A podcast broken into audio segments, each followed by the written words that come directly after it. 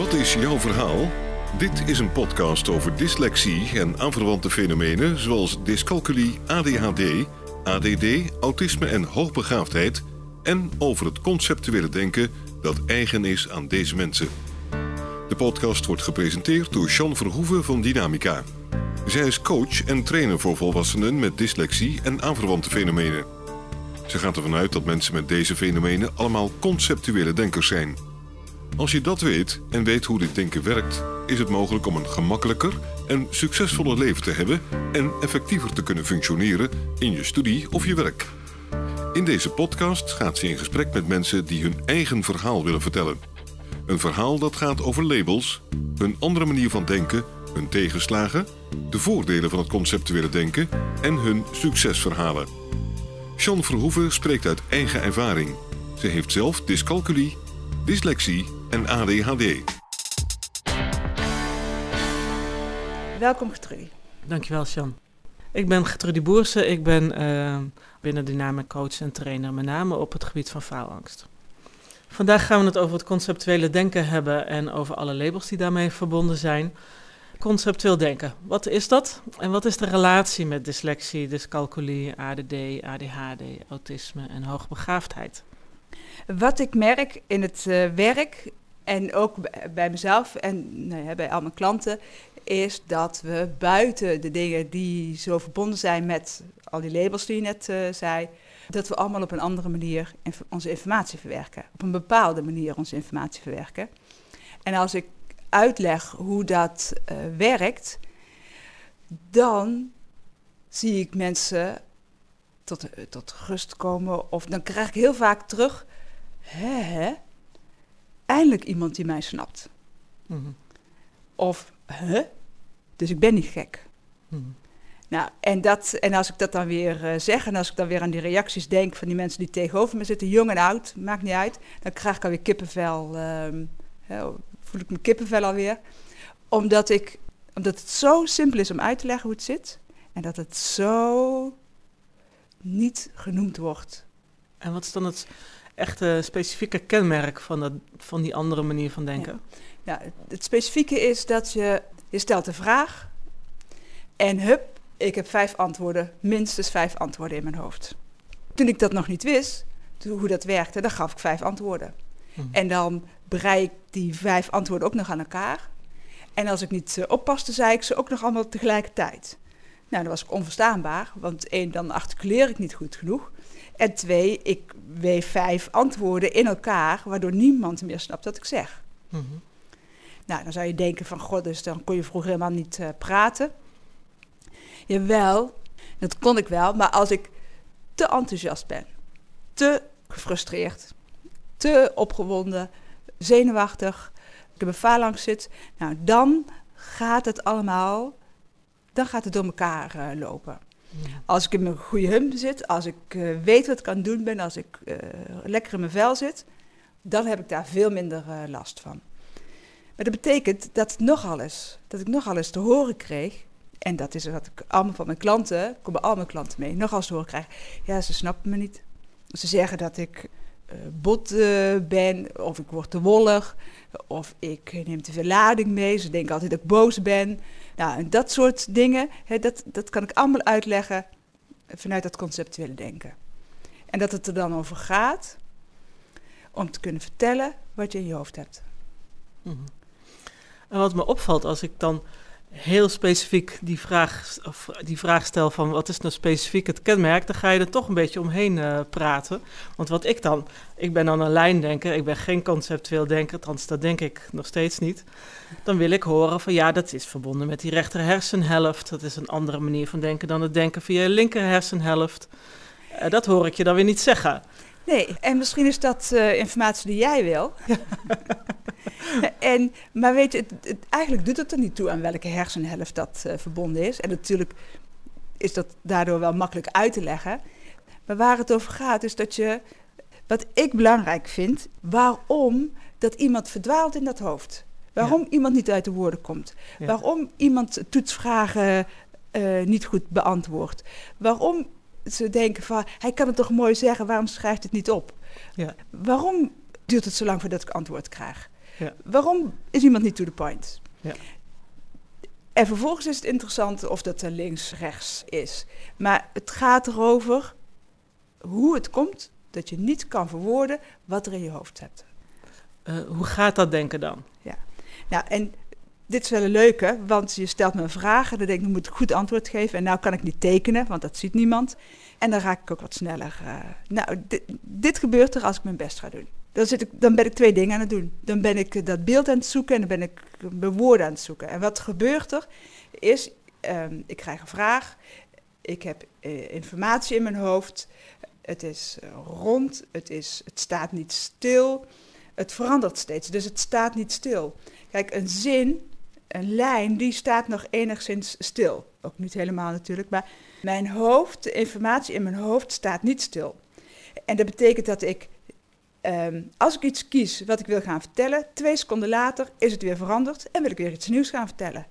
Want dan is er alweer vervolg, dan is het alweer anders. Hm. En dat betekent dat, het, dat ik niet bij kan houden wat er in mijn hoofd gebeurt. Hm. En dat maakt dat ik wollig antwoord kan geven, eromheen kan draaien wat je zegt, eh, niet to the point eh, kom, nou, letterlijk kan verdwalen in dat hoofd. En ik zie niet, ik zie geen beelden. Ik heb, hè, er zijn mensen die beelden zien, er zijn mensen die eh, muziek zien of horen. De ander heeft weer kleuren. Daar zit ook weer een hele hoop verschil in. Maar als we het over die olifant hebben, want die gebruik ik wel eens vaak, hè, neem een olifant voor ogen. En als ik het dan over de grootte van de oren heb, dan kan ik de wind van die grote oren van de, dan kan ik die wind bijna voelen. Mhm. En dan ja, zit ik al bijna op zijn, eh, op zijn rug en eh, hè, loop ik door de steppen heen. Als er dan gevraagd wordt van welke kant zie je die olifant? Huh? Kant? Dan ben ik al veel, hè, veel, erg, veel al heel ergens anders. Mhm. Nou, dan moet ik mezelf weer terughalen. En nou ik dat snap, dan kan ik dat. Vrij goed. Mhm. Maar als je niet weet hoe het werkt, dan, kan je niet, dan is het moeilijk schakelen. Dan is het moeilijk eh, zien hoe je kan schakelen. Mhm. En dan is het moeilijk antwoord geven, rechtstreeks antwoord geven op vragen die je krijgt. Hm. En waar gaat het in een vergadering over? Waar gaat het in het onderwijs over? Dat je meteen antwoord geeft op de vraag die je krijgt. Ja, en dat is lastig vanuit het conceptuele denken. En vooral omdat het niet uitgelegd wordt hoe dat, hoe dat denken werkt. Je hebt het net ook over beelddenken. Je zegt, jij hebt geen beelden in je hoofd. Maar heb jij dan, wat je beschrijft, is iets anders dan woorden in je hoofd? Onze secretaresse Annelies, die heeft gewoon, die denkt echt in woorden, in zinnen, in hè, dingen die ze hoort of voor zich ziet. Doe jij dat dan? Nee, ik heb geen woord in mijn hoofd. Ik heb hele verhalen in mijn hoofd. Maar ik heb geen woorden in mijn hoofd. Ik heb ook geen zinnen in mijn hoofd. Ja. En ik, ah, ik kan wel eens ooit... ehm, nou, mijn lezing, als ik die geef, is wel een leuke. Want die geef ik nou al tien jaar, doe ik die lezing. En hij is praktisch, hij verandert wel, maar in grote lijnen is die hetzelfde. Ik weet nooit welk slide hè, eh, die er ervoor vervolgens komt. Maar ik kan die ik kan ook geen zinnen in mijn, uit mijn hoofd leren, omdat de situatie elke keer anders is. Mhm. En ik dan, ja, die zinnen, ze zijn er niet. Ze zijn er niet. Als ik een intake met iemand heb die dyslectisch eh, is of eh, ADHD of ADD heeft, die kunnen zich ook niet voorstellen dat je gedachten in, in zinnen, in woorden hebt. Ja. Ja. En dat is nou ja, iets wat ik wel heel opvallend vind. Beelddenken wordt heel erg altijd heel erg aan het dyslectisch zijn of aan het. Wij, en wij koppelen dat ook heel erg aan het ADD en ADHD zijn en al die andere labels die er zijn. Wordt, wordt gezegd van ja, als je geen beelddenker bent, dan, eh, dan ben je niet dyslectisch of dan ben je niet iemand met ADHD. Wat jij eigenlijk zegt is dat het veel groter is dan alleen maar het denken in plaatjes. Ja. In beelden. En dat is ook wel een leuke. Eentje die heel erg aan beelddenken wordt gekoppeld, is dat je, je rijdt de stad in en je weet eh, waar je moet zijn. Je Mhm. rijdt links, rechts, links, rechts, links, rechts. En dan ben je er. En dat je dat beeld voor ogen hebt. Mhm. Dat kan jij dus heel erg goed. Ja. Ik kan dat helemaal niet. Dan wordt er gezegd, nee, vrouwen kunnen geen kaart lezen, mannen wel. Nou, dan eh, klopt niet, wa- want geen man is hetzelfde, geen vrouw is hetzelfde, geen dyslect is hetzelfde, geen ADHD'er is hetzelfde. Jij kan wel kaart lezen en jij hebt ook heel die map in je hoofd. Ik heb die map niet in mijn hoofd. En als ik ergens naartoe ga, ik weet altijd waar, ik kom er altijd. Ik weet ook hoe ik er moet komen. Maar vraag me niet hoe ik er kom.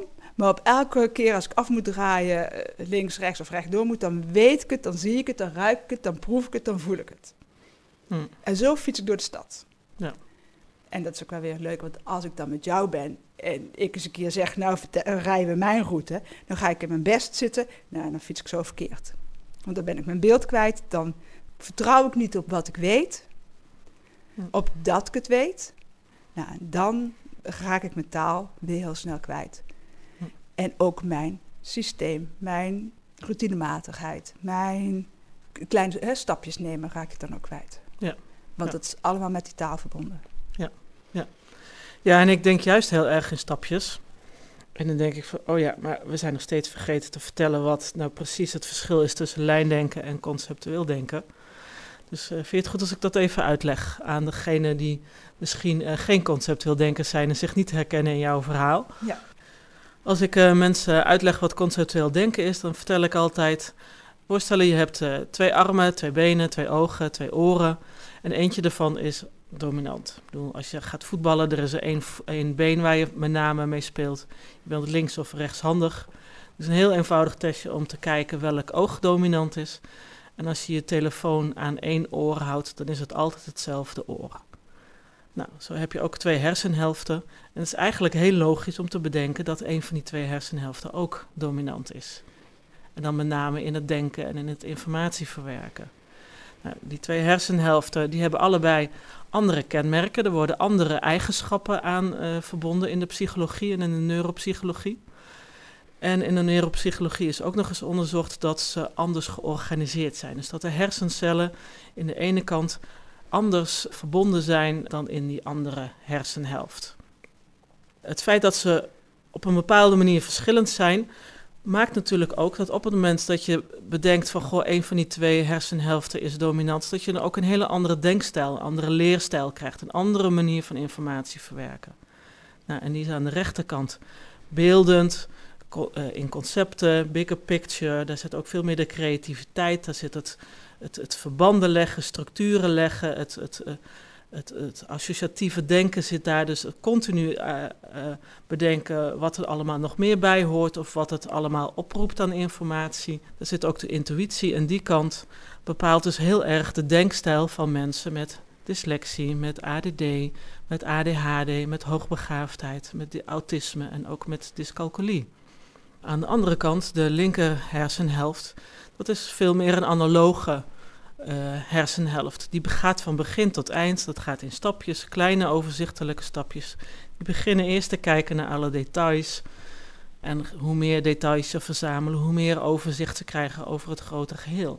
Dat is een kant die heel erg tijdsbewust is, logisch, analytisch denkt. En nou ja, waar ook veel meer de taal in het rekenen zit. En ja, het gevoel voor details en het gevoel voor eh, perfectie, routine.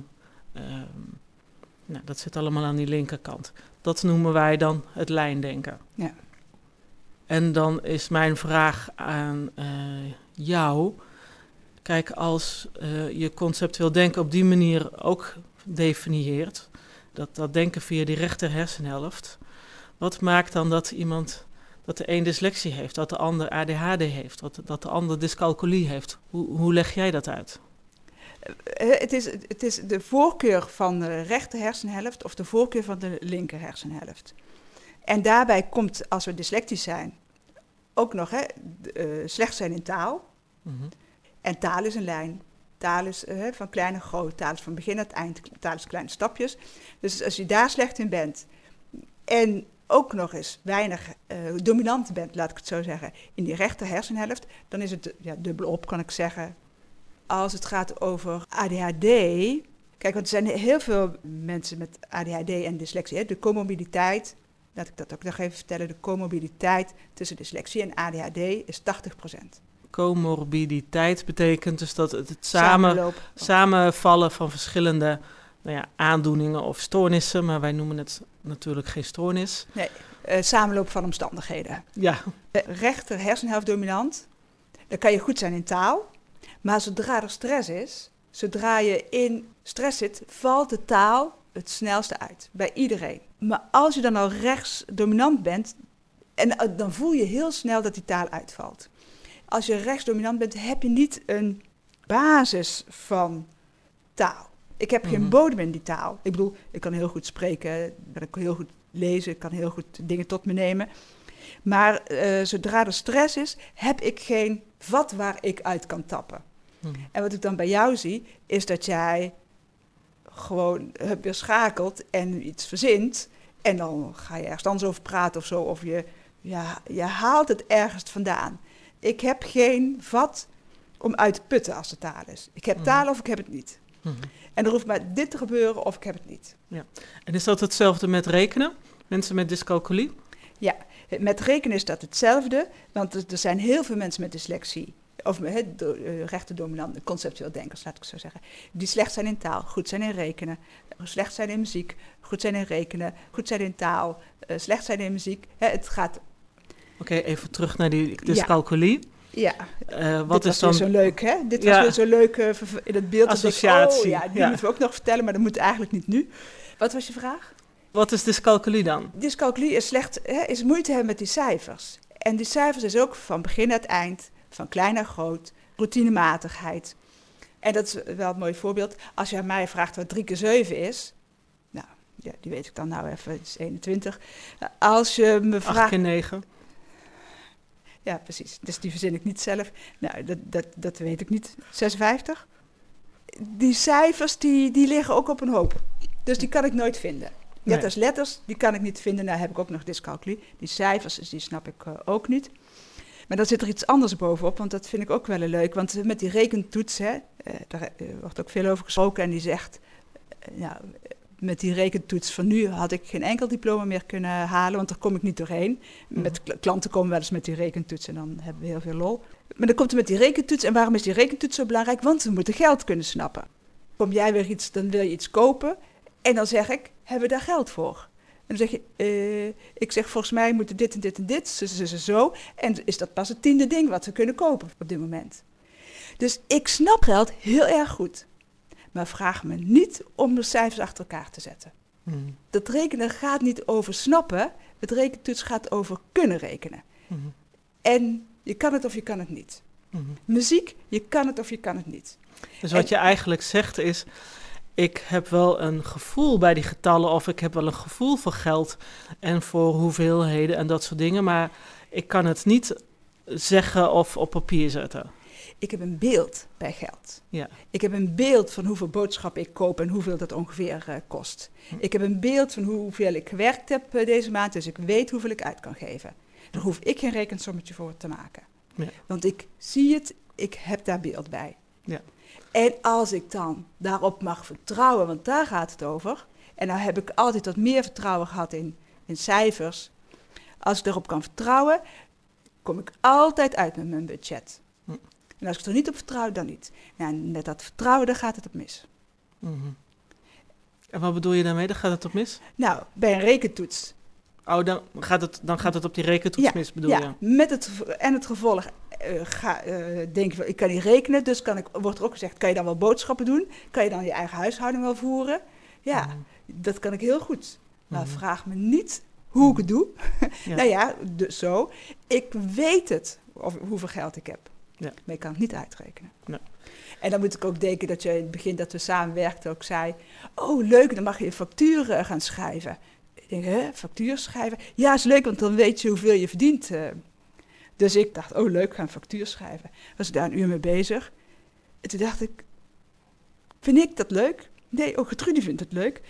En toen heb ik ook gezegd, wil jij het doen? Ik weet, ik weet hoeveel uren ik werk, dus ik weet wat ik verdien.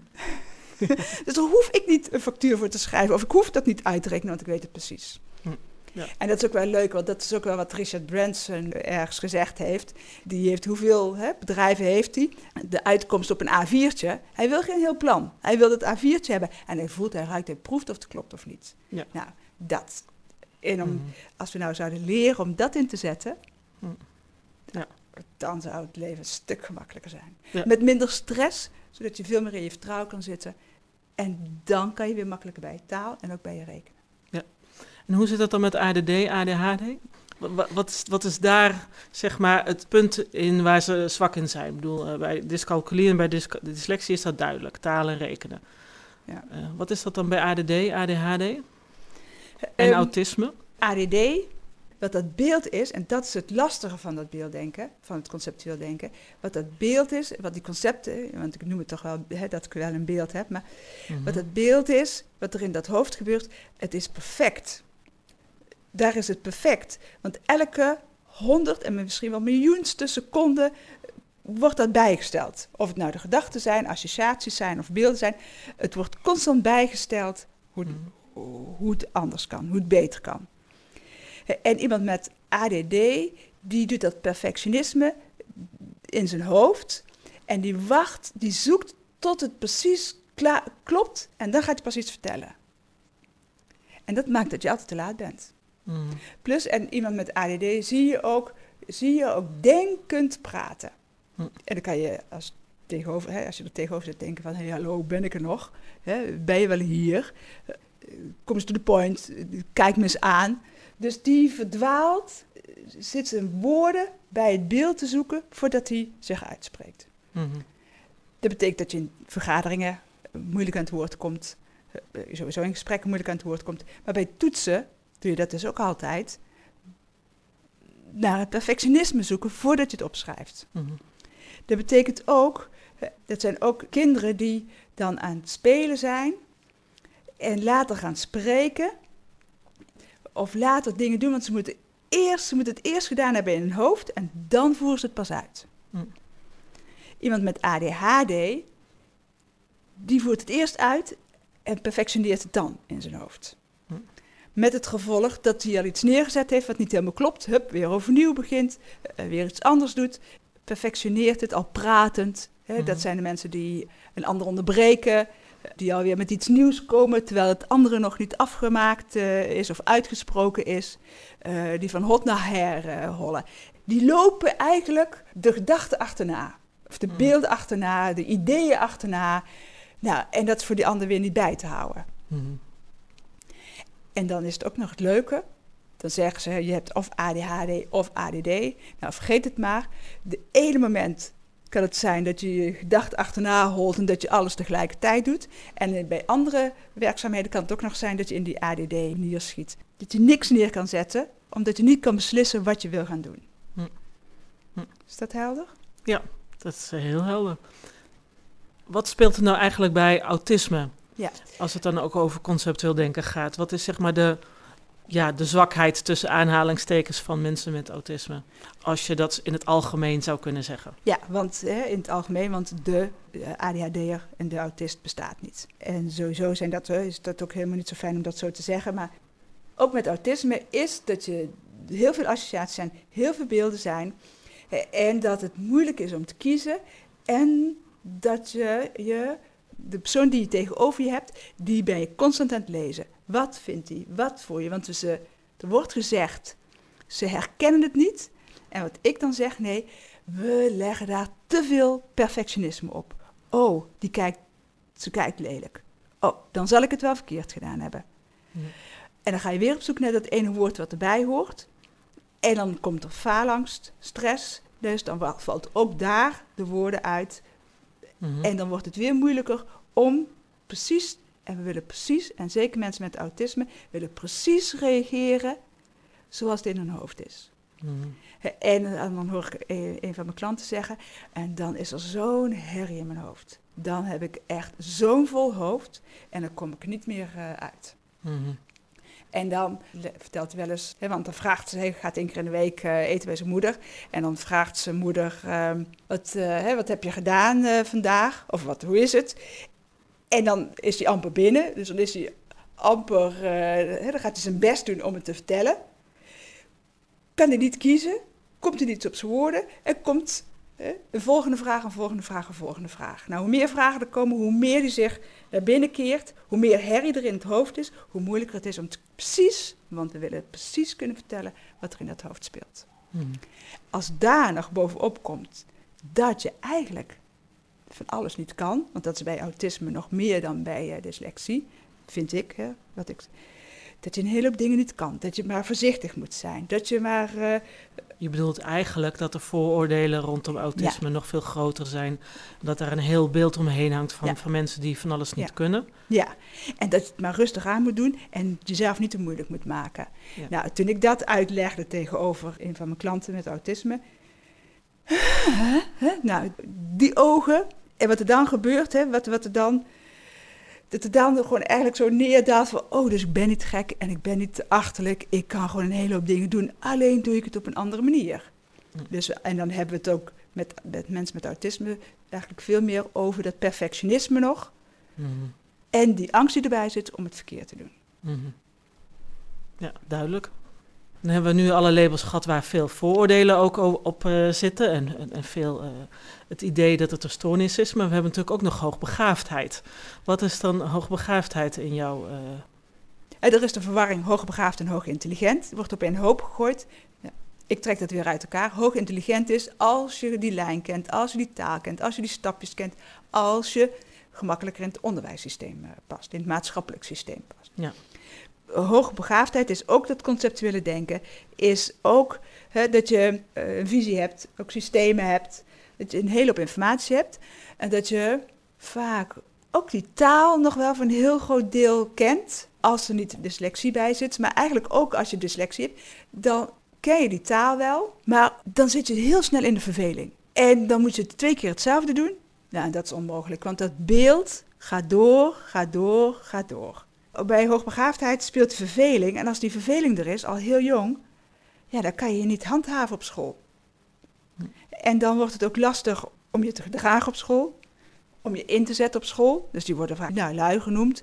En als je je al vanaf kinds af aan verveelt op school, terwijl daar volwassenen zitten die jou gaan vertellen, die jou, dan ben je afhankelijk van die volwassenen, dan wordt het heel erg moeilijk om je zelfbeeld neer te zetten. Je ik te ontwikkelen. En dat geldt voor, trouwens voor alle conceptueel denkers. Maar met hoogbegaafdheid zie je dat ze ook nog. Want dan zou je denken van als je al die kwaliteit hebt, dan doe je toch gewoon wat je moet doen. Maar als je constant gedwongen wordt in een situatie die niet past bij jouw manier van denken, dan kan je niet je ik ontwikkelen, kan je niet jezelf neerzetten, kan je niet, is het heel moeilijk om vervolgens neer te gaan zetten wat je te zeggen hebt. Ja, nou had ik laatst een intakegesprek met een uh, hoogbegaafde jongen. Die was ook nog dyslectisch, had heel veel problemen met wiskunde. Hij wist de antwoorden, wist hij wel, maar in het schrijven van zijn antwoorden maakte hij gewoon veel fouten. Want hij moest natuurlijk uitleggen hoe hij tot dat antwoord kwam. Kun jij nou uitleggen, hoe komt dat nou dat iemand zoveel fouten bij wiskunde maakt, terwijl hij geen dyscalculie heeft of wat dan ook, uh, zo slim is? En wat doe je er dan mee? Ja, nou, Ehm, wat het conceptuele denken doet, hè, er zijn, we hebben oplossingen, we hebben associaties, uh, we hebben informatie. En het eerste uh, wat er bij ons opkomt is de oplossing. Dus als je een wiskundesom hebt, je, je, of, eh, je ziet hem en je weet, oh, dat is de oplossing. Mhm. En dan denk je, ja, is logisch. En vervolgens moet je al die stapjes doen om iemand te vertellen hoe je ertoe komt. Terwijl het zo logisch is voor jou dat je die oplossing ziet. Je moet beginnen bij het begin voordat je de oplossing mag, mag geven. Dus dan zitten we met de oplossing, maar we moeten bij het begin beginnen. Nou, en dan zitten we in twee dimensies eigenlijk.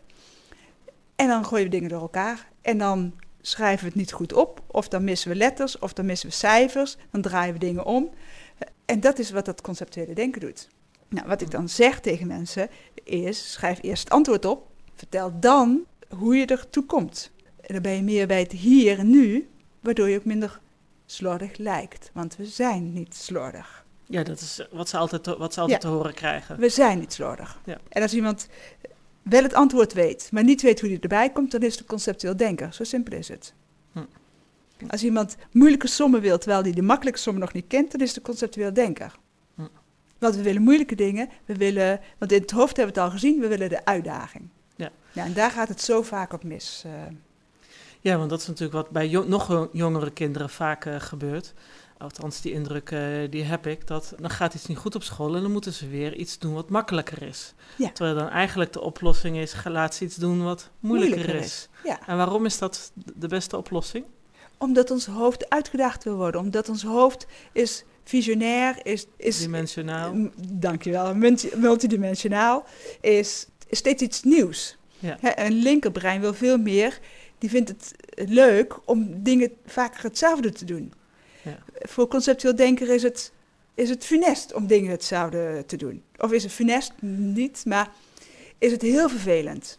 Saai. Saai, ja. En het school is eh, constant hetzelfde. Ja. Vergaderen, want we hebben het over kinderen, maar ook alweer over volwassenen. Vergaderen is ook vaak heel erg saai. Dan denk ik, ja, dat hebben we toch al drie keer besproken? Ja. Ja, maar dan moet het nog wel uitgelegd worden om, voordat het echt goed staat. Ja, en dan zitten wij alweer ergens anders met ons brein. Ja, en hoe zit het dan met die kinderen? Want er zijn echt een aantal kinderen die op de basisschool al gewoon heel veel problemen hebben. Kan je daar iets over vertellen, wat daar dan gebeurt? Ja, want dan moet ik denken aan hè, dat ik dat ook ouders, de volwassenen zijn vaak ouders, hè, dan zeggen, ja, mijn kind is niet dyslectisch of ADHD of zo, maar hij wordt zo boos. Komt hij niet uit zijn woorden, dan wordt hij zo boos. Nou, waar dat van komt is weer dat conceptueel denken, is dat dat beeld helder is, dat het duidelijk is, of dat je de situatie helder is, dat je weet wat je wil gaan doen. Maar dan moet je dat gaan benoemen. Dan krijg je niet in die snelheid hoe het in je hoofd gaat, krijg je de woorden er niet uit. Mm. En als je dan de hele dag, dat krijg ik ook nog wel zo op school, hè, te horen op school, zijn zo braaf en zo rustig. En dan komen ze thuis, nou en dan de hele hoop drukte, spanning en agressie soms. Want dan is, moeten ze de hele dag zich dragen. Nou, dat, soms lukt dat nog wel eens. En dan komen ze thuis en moet het eruit. Hm.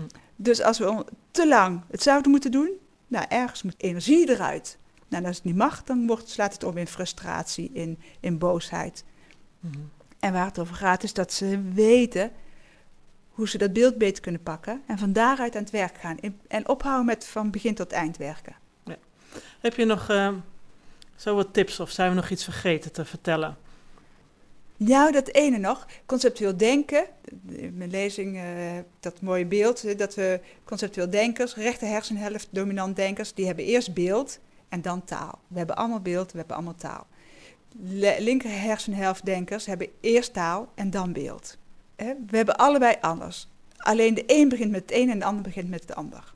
Ja. En als we dat weten, als mensen dat van zichzelf weten, dan, dus, eh, nou letterlijk, hè, mensen worden dan al rustiger, kunnen de, zich dan al beter gedragen, beter concentreren, beter uit eh, verwoorden. Ja. Nou, en dat is belangrijk, dat je weet, dat je weet hoe het zit. Dankjewel. Alsjeblieft. Wil je reageren op deze podcast of heb je vragen? Stuur dan een mail naar podcast.dynamica.nl. De reacties zullen worden meegenomen in volgende podcasts. John Verhoeven geeft coaching, workshops en trainingen. Wil je meer informatie? Kijk dan op www.werkendyslexie.nl of www.geniaaloprechts.nl of bel 020 639 1099 020 639 1099. Jean Verhoeven heeft twee boeken geschreven over dyslexie: Slimmer dan je baas en Dyslexie, Stoornis of Intelligentie. Deze boeken zijn te koop in elke boekhandel. Stuur de podcast door naar iedereen waarvan je vindt dat ze meer zouden moeten weten over dyslexie, ADHD, ADD, dyslexie, dyscalculie, autisme en hoogbegaafdheid en het conceptuele denken. Deze podcast is gemaakt in samenwerking met Marcel de Hoog van Storytelling Media. Hij verzorgt de technische, redactionele en morele ondersteuning. Tot de volgende aflevering.